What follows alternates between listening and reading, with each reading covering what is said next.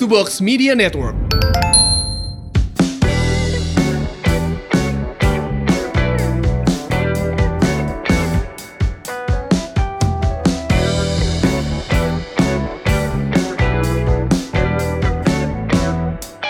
Halo Semurian, kembali lagi di Semur, podcast sehat dan makmur bersama saya FX Mario. Dan saya Ligwina Hananto. Kita udah masuk episode 9. Uh, Iya, gaya lah Semur. Nambah terus nih episodenya. Gimana Iya. Semurian? Eh kalau Terima kalian dengerin oke. dan kalian merasa diri kalian terpanggil sebagai Semurian, iya gue Ah, tuh kalau colek-colek lah. panggilannya. Tapi tag-tag gue ya, gue ada di Ah. at Mrs. Hananto, MRS Hananto, dan Mario ada di, Di Mario. Mario. Tag kami ada di Twitter dan Instagram, eh, karena kalau kita tahu ada yang dengerin tuh kita seneng gitu. senang. Kita anak podcast baru soalnya. Nah, podcast baru, jadi masih kamsul upai gitu. Topik hari ini Oke. kita mau bahas consumer behavior during COVID uh, pandemic nih, Mar. Ya, ya, ya, ya, ya. Ya, jadi gue tuh men, gua, gua, gua tuh menemukan uh, bukan menemukan sih gue dikirimin. jadi klien gue baik banget gitu dikirimin. Ini um, hasil risetnya Mas Yuswa di Hai Mas Yuswa. Mas Yuswa itu di Investor Knowledge bikin rilis consumer behavior new normal after COVID-19 dan ada ada 30 prediction. Uh, empat yang paling utama itu uh, yang akan kita bahas efeknya ke olahraga sama finansial. Yes. Gue sebut dulu empatnya ya nanti kita bahas satu-satu. Empat itu yang pertama adalah di rumah aja. Orang kan stay at home, jadi ot- otomatis cara hidupnya berubah, semuanya berputar ke kegiatan di rumah aja. Iya. Eh, yang kedua adalah em, memenuhi kebutuhan primer. Jadi lu jadinya eh, kembali ke dasarnya Maslow hierarki. Lu bener-bener fokus ke kesehatan dan keselamatan keluarga lo. Jadi Iya. hand sanitizer lah, makanan utama lah, itu yang kita akan bahas. Yang ketiga adalah going digital. Eh, Hmm. semuanya jadi serba online karena memang Hmm. yang tidak punya eh, cara melakukan bisnisnya secara online itu pasti tenggelam. Yang terakhir adalah tentang perilaku eh, yang masyarakat yang peduli. Jadi sifat-sifat yang empati. Oke, itu yang makin kelihatan ya, Makin empatinya kelihatan makin, makin jadi muncul eh, ya. ngelihat orang lain susah tuh jadi pengen nolongin gitu. Itu Iya. ketika lagi ada krisis tuh good newsnya adalah orang jadi punya empati. Jadi ini Iya. empat perubahan perilaku Mhm. yang sekarang terjadi di masyarakat kita dan kita mau bahas apa efeknya di eh, olahraga dan eh, finansial. Yes, yes. Ya. yes. Oke, yang pertama. Pertama tentang di rumah aja ini sudah sempat kita bahas sih ya waktu di waktu baru awal-awal kita. pandemi covid ya. Eh, gimana Mar? Jadi kalau olahraga tuh sekarang kalau di rumah aja apa yang terjadi? Eh, ya lu cuma olahraga di rumah aja, pertama lu kehilangan akses ke gym, lu kehilangan akses ke alat-alat yang banyak, lu pertama mungkin oke lah bisa body weight workout aja gitu, tapi lama-lama kan bosen nih, orang mulai, beli alat. Iya, ambisius. orang mulai beli alat. Gue sempat beli alat juga, gue lagi lagi lagi pre order satu squat rack gitu kan, gue pengen pengen latihan barbell, pengen pakai rack gitu kan, eh, Mm-mm. dari Tangerang waiting list lu barangnya habis mereka, jadi jadi orang tuh pada pada belanja gitu, pada belanja alat fitness. Jadi jadi bener ya eh, alat-alat fitness tuh eh, adalah salah satu yang eh, terjadi dan ketika eh, kita udah bahas sih tentang olahraga di rumah aja ya waktu itu yang Ya. melihat. Cuman gue melihatnya jadi dari sisi pergerakan ekonomi memang apa yang ada di sekitar kita yang menentukan kita akan beli apa karena Yes. gue ada di rumah dan gue sempat cerita kan di episode sebelumnya gue beli sofa bu sofa. gue beli hair clipper gitu kan karena nggak bisa ke tukang cukur rambut. Nah, lu beli hair clipper, heeh. Iya. Jadi akhirnya eh, bukan itu aja. Jadi kayak eh, udah mulai nih ada teman-teman yang punya apartemen, tinggal di apartemen, biasanya balkonnya busuk, lama-lama dia kesel juga. Akhirnya dia beli tanaman lah, beli, eh, eh, outdoor furniture lah, Yes. dicakep-cakepin. Jadi secara olahraga dan finansial itu berhubungannya ketika di rumah aja, maka center of our universe jadi di rumah ya. Mungkin sebelumnya center of life-nya tuh terpecah rumah, kantor, sama sekolah gitu misalnya kalau punya Aha. anak gitu. Sekarang ya you work at home, you pray at home, you basically play and live at home gitu. Jadi semua semua fasilitasnya lu berusaha sediakan di rumah. Ya. Oke, itu yang pertama. Kita nggak terlalu banyak bahas yang di rumah aja karena kita udah pernah bahas Udah di pernah bahas. Mm-mm. Yang kedua, tentang pemenuhan kebutuhan primer, Mar. Kalau dari sisi kesehatan itu nyata banget ya. Nyata banget lo ngomongin makanan. Lo kan sekarang eh, ya isi pilihannya makanan. eh, kalau nggak lo beli take away buat di rumah, pesan antar atau lo masak sendiri gitu kan. Tapi banyak sekali yang sekarang tiba-tiba jadi chef dadakan gitu semuanya. Oh iya nggak apa-apa. Gue senang kalau ngeliat IG story pada baking gitu kan. Baking, eh, tiba-tiba semua orang bisa bikin banana cake. Benar, benar. oh, oh, seru banget. setelah kemarin dalgona yang sempat hit kan Dalgona. dalgona gitu kan.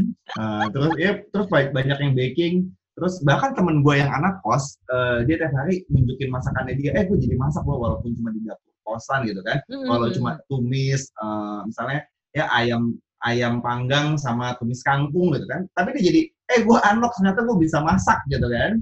Tadi dia anak anak agensi digital mana ada waktu gitu masak di rumah dulu. Masak sendiri kan bahan-bahan fresh. Jadi lu kan bisa itu tahu apa yang lu masukin. pasti lebih sehat uh, uh, dibandingin kayak tahulah kita rasanya pas lagi ada deadline kerjaan di kantor nggak pulang-pulang sampai jam 11 12 malam, lu makan apa aja dihabek seadanya gitu. ada. Uh, seadanya, seadanya aja, mau junk food junk food deh gitu. Kalau yes, kayak gini kan yes. lu jadi punya keteraturan. Jadi memang dengan di rumah aja itu uh, kalau gue ngelihatnya dari sisi finansial orang belanja bahan makanan atau frozen hmm. food yang untuk diolah kembali yeah. uh, atau yang model bahkan nih ada satu restoran Korea uh, temen gue baru ngambil baru ngambil franchise-nya tahu-tahu covid gitu ya jadi hmm. hmm. restorannya terpaksa tutup uh, hmm. dia jualan topoki tapi hmm. topokinya itu belum mateng mar oke okay. jadi datang ke rumah dalam bentuk kotak begitu dibuka baru dimasak seru hmm. banget tau nggak jadi yeah, yeah. anak-anak gue beli itu seneng banget karena mereka merasa mereka masak topoki ah, gitu padahal kan cuma cemplung-cemplung doang. anak-anak ya. ah, ah, ah, ah.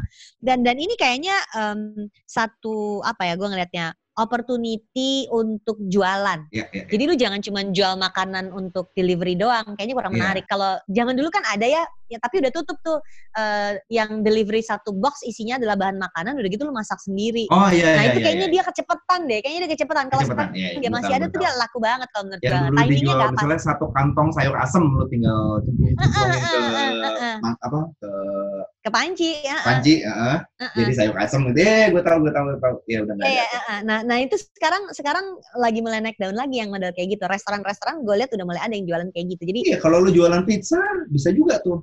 Lu udah jual iya, toppingnya, toppingnya, harus uh-uh. diulenin dulu. uh-uh. uh, lu pisah-pisah, lu lu tinggal taruh, terus lu bake sendiri gitu kan. Bisa Jadi ada gitu. experience-nya. Mhm, Uh, beberapa restoran barbecue udah mulai nawarin sampai um, pemanggangnya grillnya. dipinjemin Iya, iya, iya, iya. iya. sampai kayak gitu. Apalagi ya, apalagi ya. Oh, nggak cuma itu aja, Mar. Kalau kalau dari sisi kesehatan yang gue sempat kerasa adalah mau beli vitamin aja abis-abisan. Ya, vitamin habis-habisan, uh, suplemen habis-habisan. uh, ya lu kalau kalau kayak gitu uh, pinter-pinter sih sebenarnya.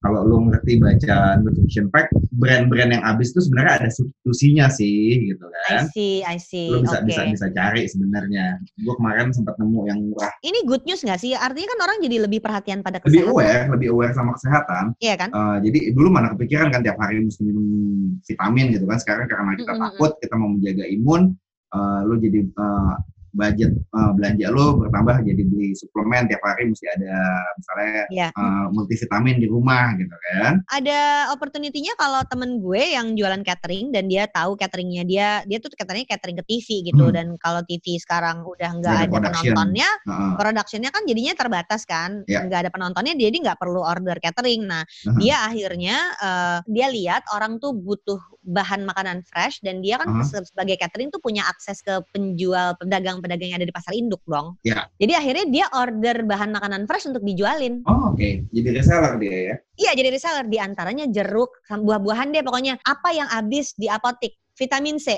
Itu kan ada di jeruk, ada di jambu gitu. Ada Jadi dia pepaya. jambu sama jeruk. Heeh. Iya. Yang gue ngeliatnya, eh iya pinter juga idenya gue bilang gitu. Iya, karena iya, dia iya, punya akses, dia punya akses sebenarnya kan. Tapi kan dia dia punya networknya karena dia catering gitu. Itu itu menarik. Jadi ketika kita sampai ke Maslow hierarki, akhirnya ya yang dibeli ya bahan Yang makanan. bawah dulu. Mm-mm. Heeh, jualan jualan tas batik itu berat nih sekarang. Tapi Berat, kalau untuk makanan eh, orang jalan.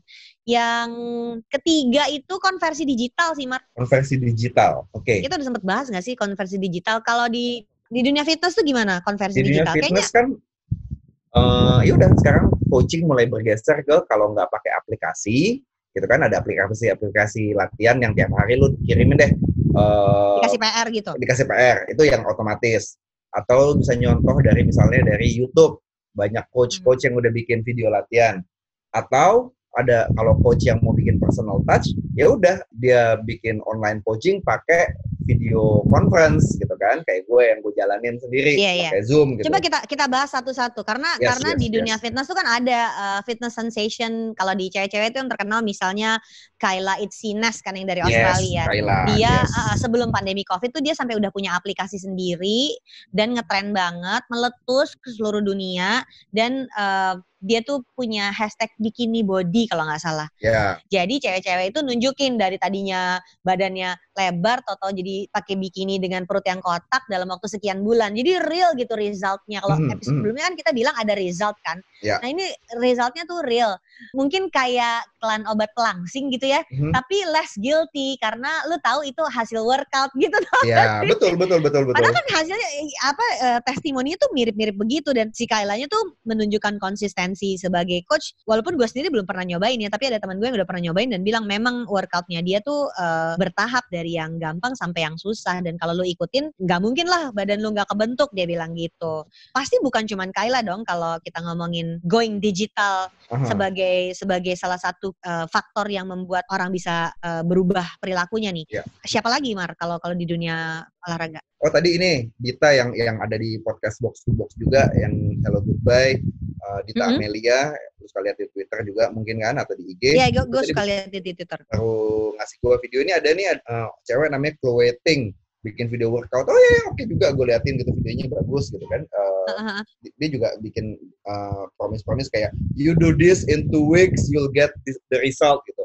Terus gue pikir ya bisa kalau lo konsisten dan lu diet dan itu lo bisa juga gitu kan melakukan apa dapetin hasilnya. Hmm. Eh, nah tapi apa eh, tapi itu kan pasif ya lu cuma ngikutin dia doang Dan jadi kan itu lu butuh komitmen sendiri. Kalau or- orang yang nggak Yes. punya komitmen tuh, lu butuh extra push untuk ngerjain itu. betul betul Jadi yang satu lagi adalah uh, private coaching dong berarti sekarang. Eh, private coaching atau eh, pri- eh, apa online group training Uh, itu yang lu kerjain kan sekarang itu gue berarti. kerjain itu gue kerjain Uh, how how does it work? Bedanya adalah eh, yaudah eh, kita video conference gue akan nunjukin gerakannya eh, terus misalnya lu ngelakuin gue sambil ngeliatin misalnya lu kaki lu kurang kebuka kaki lu terlalu rapat atau eh, tangan lu posisi kurang benar kan ada interaksinya di situ karena gue ngeliatin langsung Ya. itu bedanya sama yang kalau tadi lu cuma nonton video doang atau cuma ngikutin ads doang gitu Bener.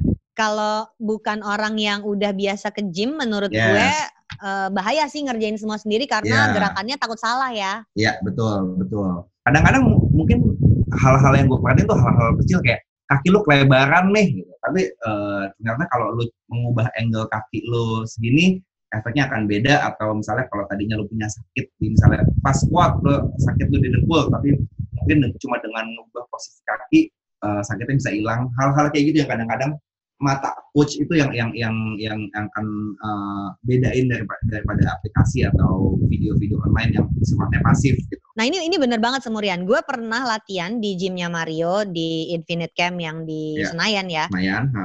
Eh, waktu datang ketemu sama Mario tuh udah udah ikut coach lari gue dan udah ikut coach fitness gue si Jen Ah, kan. Jen. Jadi waktu gue ke Mario, gue udah tahu batasan badan gue sampai mana. Nah, ketika gue latihan sama Mario itu, gue tuh sebenarnya punya a weak left knee. Jadi kaki gue, lutut kiri gue itu lemah karena gue tuh punya, aduh gue lupa nama ototnya apa Mar. Pokoknya ada otot di di dalam panggul itu yang cedera. Jadi sakitnya tuh dari dari kayak belakang punggung ke depan Enggak, depan. panggul, nggak ke- Ah. terus ke paha, terus ke lutut. Jadi sakitnya di lutut. Gue udah pernah ke terapis Ke dan terapis. eh, yang dibenerin tuh yang ototnya tuh Di kayak panggulnya kayak ya? di dipanggul di dalam. Jadi Iya, susah iya. kalau mau diurut juga gitu. Iya, iya. Sehingga lutut gue tuh lemah gitu. Eh, Sebenarnya bukan bukan lututnya berarti, tapi ada otot yang nyambung sampai ke eh, panggul itu. Iya, Nah, gue inget banget kita lagi ngel- ngelakuin satu gerakan, lupa ya Hmm. gerakannya apa. ya. Kalau nggak kalau nggak salah ini deh, em, lunges deh kalau nggak salah Iya, iya, iya, iya. kalau nggak salah lunges.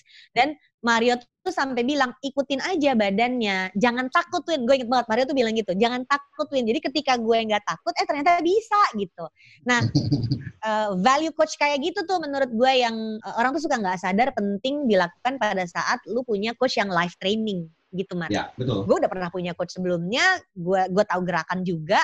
Kalau gue cuman mau ngikutin video bisa kan Bisa, gitu. bisa aja. Ada tapi ada ada hambatan ada Nah, hambatan yang harus lu tweak dikit gitu kan. Ya, yang yang ternyata butuh uh, that little push dari coach yang matanya bisa lihat, nih dia bisa nih sebenarnya dia cuma takut doang gitu kan Mar. Ya, ya, Nah ya, itu yang ya, ya, yang ya. kayaknya orang mesti mesti ngerti uh, pentingnya punya punya coach. Nah si digital Hmm. conversion ini berarti berhasil Mar di lo. lumayan berhasil tapi eh, mungkin karena bulan puasa eh, awal awal sebelum puasa lumayan tapi kayak bulan puasa orang lagi agak turun dikit mungkin nanti kita lihat habis lebaran mungkin Ya ya naik ya, lagi nggak nggak bisa lah ya. dilawan sih memang ya. dilawan. lemesnya itu nggak bisa dilawan. Eh, dari gue punya gym di Cibubur gue udah tahu kalau bulan puasa udahlah nggak ada yang datang Iya iya. Sama, gue juga di uh, training finansial gue biasanya itu bulan puasa sepi. Nah Hmm. anehnya digital ini menyebabkan bulan puasa nggak berhenti guys.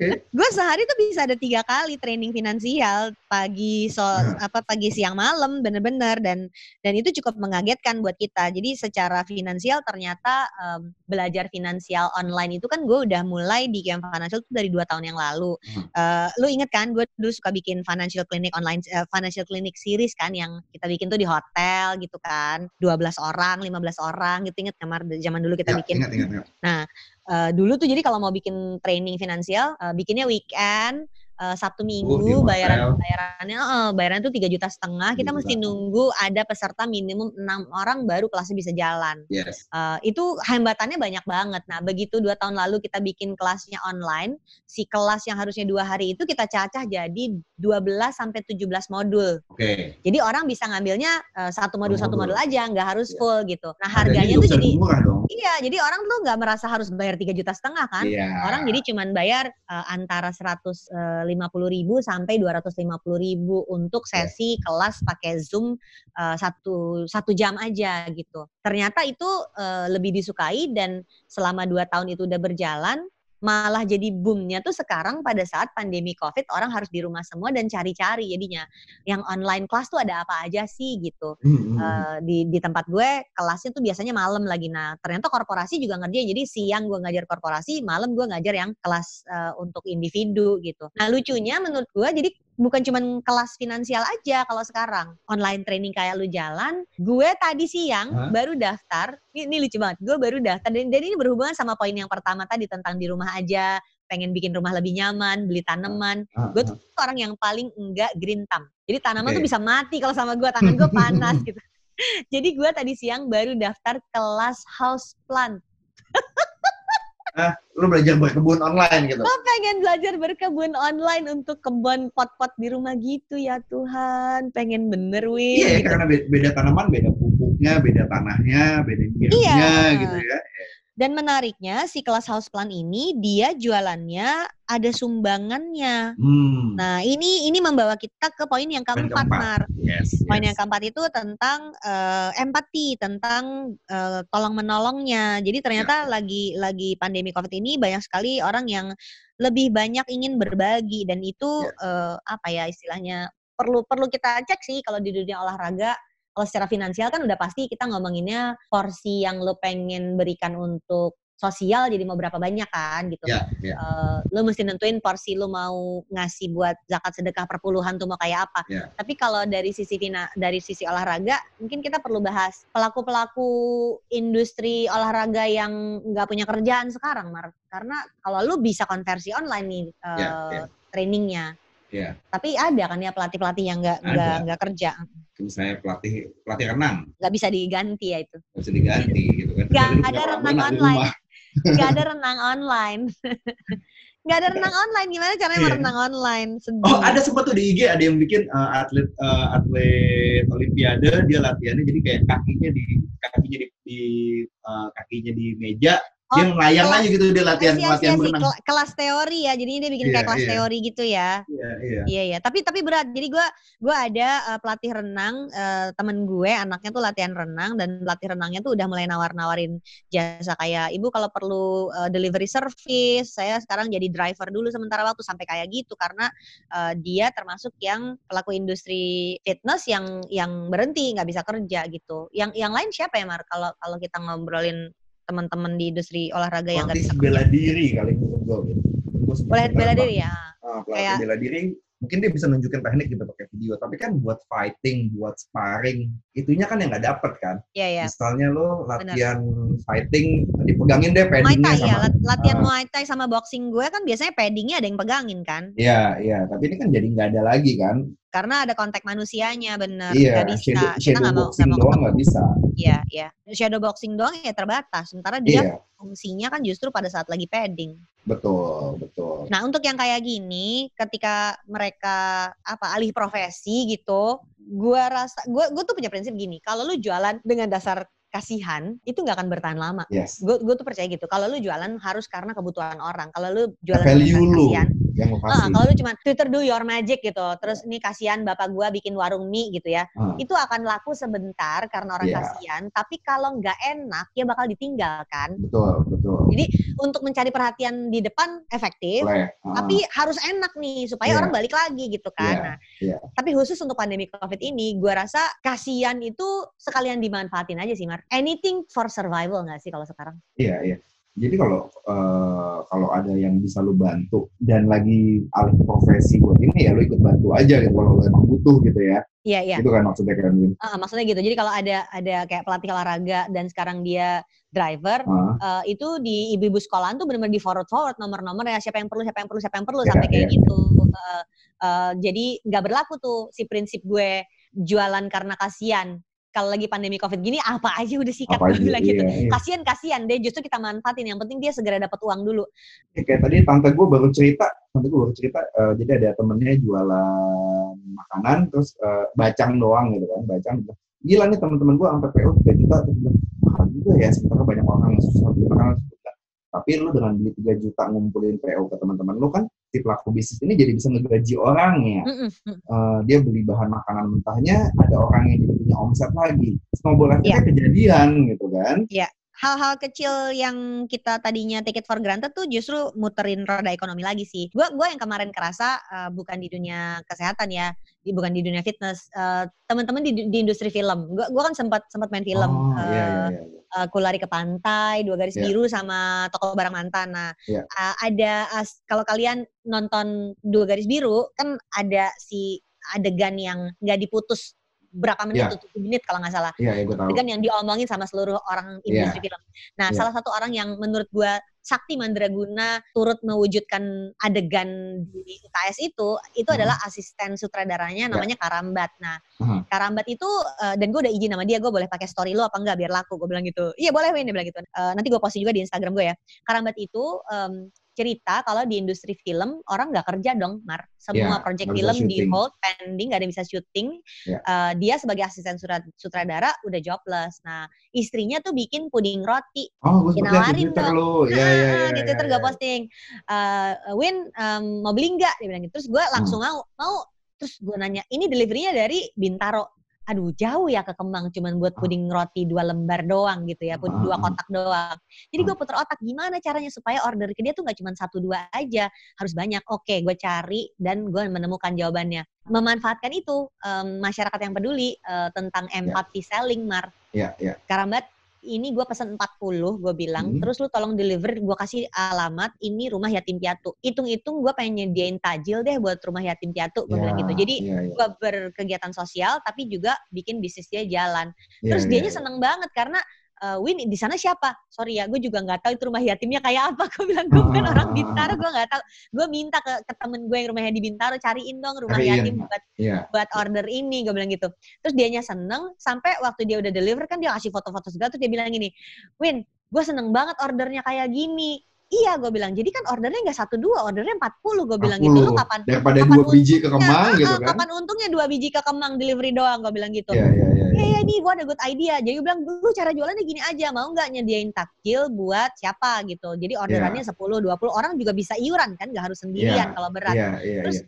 saking dia senengnya, dia bilang gini, gue tadi nambahin lima ya, dia bilang gitu. Jadi dia juga ikut berbagi, Marna. Yang kayak gini tuh seru banget gitu. Dan itu Nagih itu kalau buat build gue kayak gitu. confidence dia juga loh menurut gua. Iya, iya. Their first order. Heeh, Their Ah, first order masa- angkanya gede. susah, nggak lagi kehilangan pekerjaan, tapi eh ternyata gue bisa loh bikin puding roti buat eh, anak-anak yatim piatu I still have value in this world itu menurut gue penting Iya. loh biar orang Kayaknya hope. kayaknya itu yang penting ya, em, Iya. mem- membangun ke- kepercayaan diri orang bahwa Iya. eh, you matter gitu loh. Iya, iya. Apa ya kasar kasar itu jangan mati dulu gitu. We're Iya. in this together tuh bener-bener we're in this together kan kalau kayak gini. Iya, kesa- iya benar. Eh, lo memba- membangkitkan kepercayaan dirinya dia gitu kan. Ya, so so that's the four elements consumer behavior yang kita dapatin eh, dan kita coba bahas lewat angle olahraga dan finansial. Eh, Ya. Mudah-mudahan membantu dan kalian juga bisa lihat apa sih yang bisa lu kerjain lewat empat elemen tadi, lewat empat perubahan consumer behavior tadi, sehingga di kerjaan lo, di bisnis lo, di di perilaku sekitar lo, lo bisa bisa Di mengamati hobi lu. di hobi lo. eh, eh, apa yang berubah dari cara lo olahraga dan cara lo mengatur keuangan lo. Mudah-mudahan bermanfaat. Ya. Jangan lupa untuk dengerin terus Semur dan menjadilah bagian dari Semurian. Jangan lupa colek-colek kita. Kalau lo udah dengerin podcast kita dan merasa bermanfaat, Gak bermanfaat juga nggak apa-apa. eh, cukup sebatas lo dengerin gitu ya. Terlalu berat beban mentalnya Semurian harus merasa bermanfaat. ya, benar-benar. Kalau Enggak, kalau lo dengerin aja deh gitu. Lu dengerin aja, lu suka nggak suka lu caleg kita dong biar kita nyekam seupai seneng ya. Iya, iya, iya, iya, iya. Eh, karena gue bisa lu tag di at Mrs. Hananto dan Mario bisa lu tag di FX Mario. Mario uh, dan and that's the end of our podcast today. See you next week. Live long and prosper. Bye bye.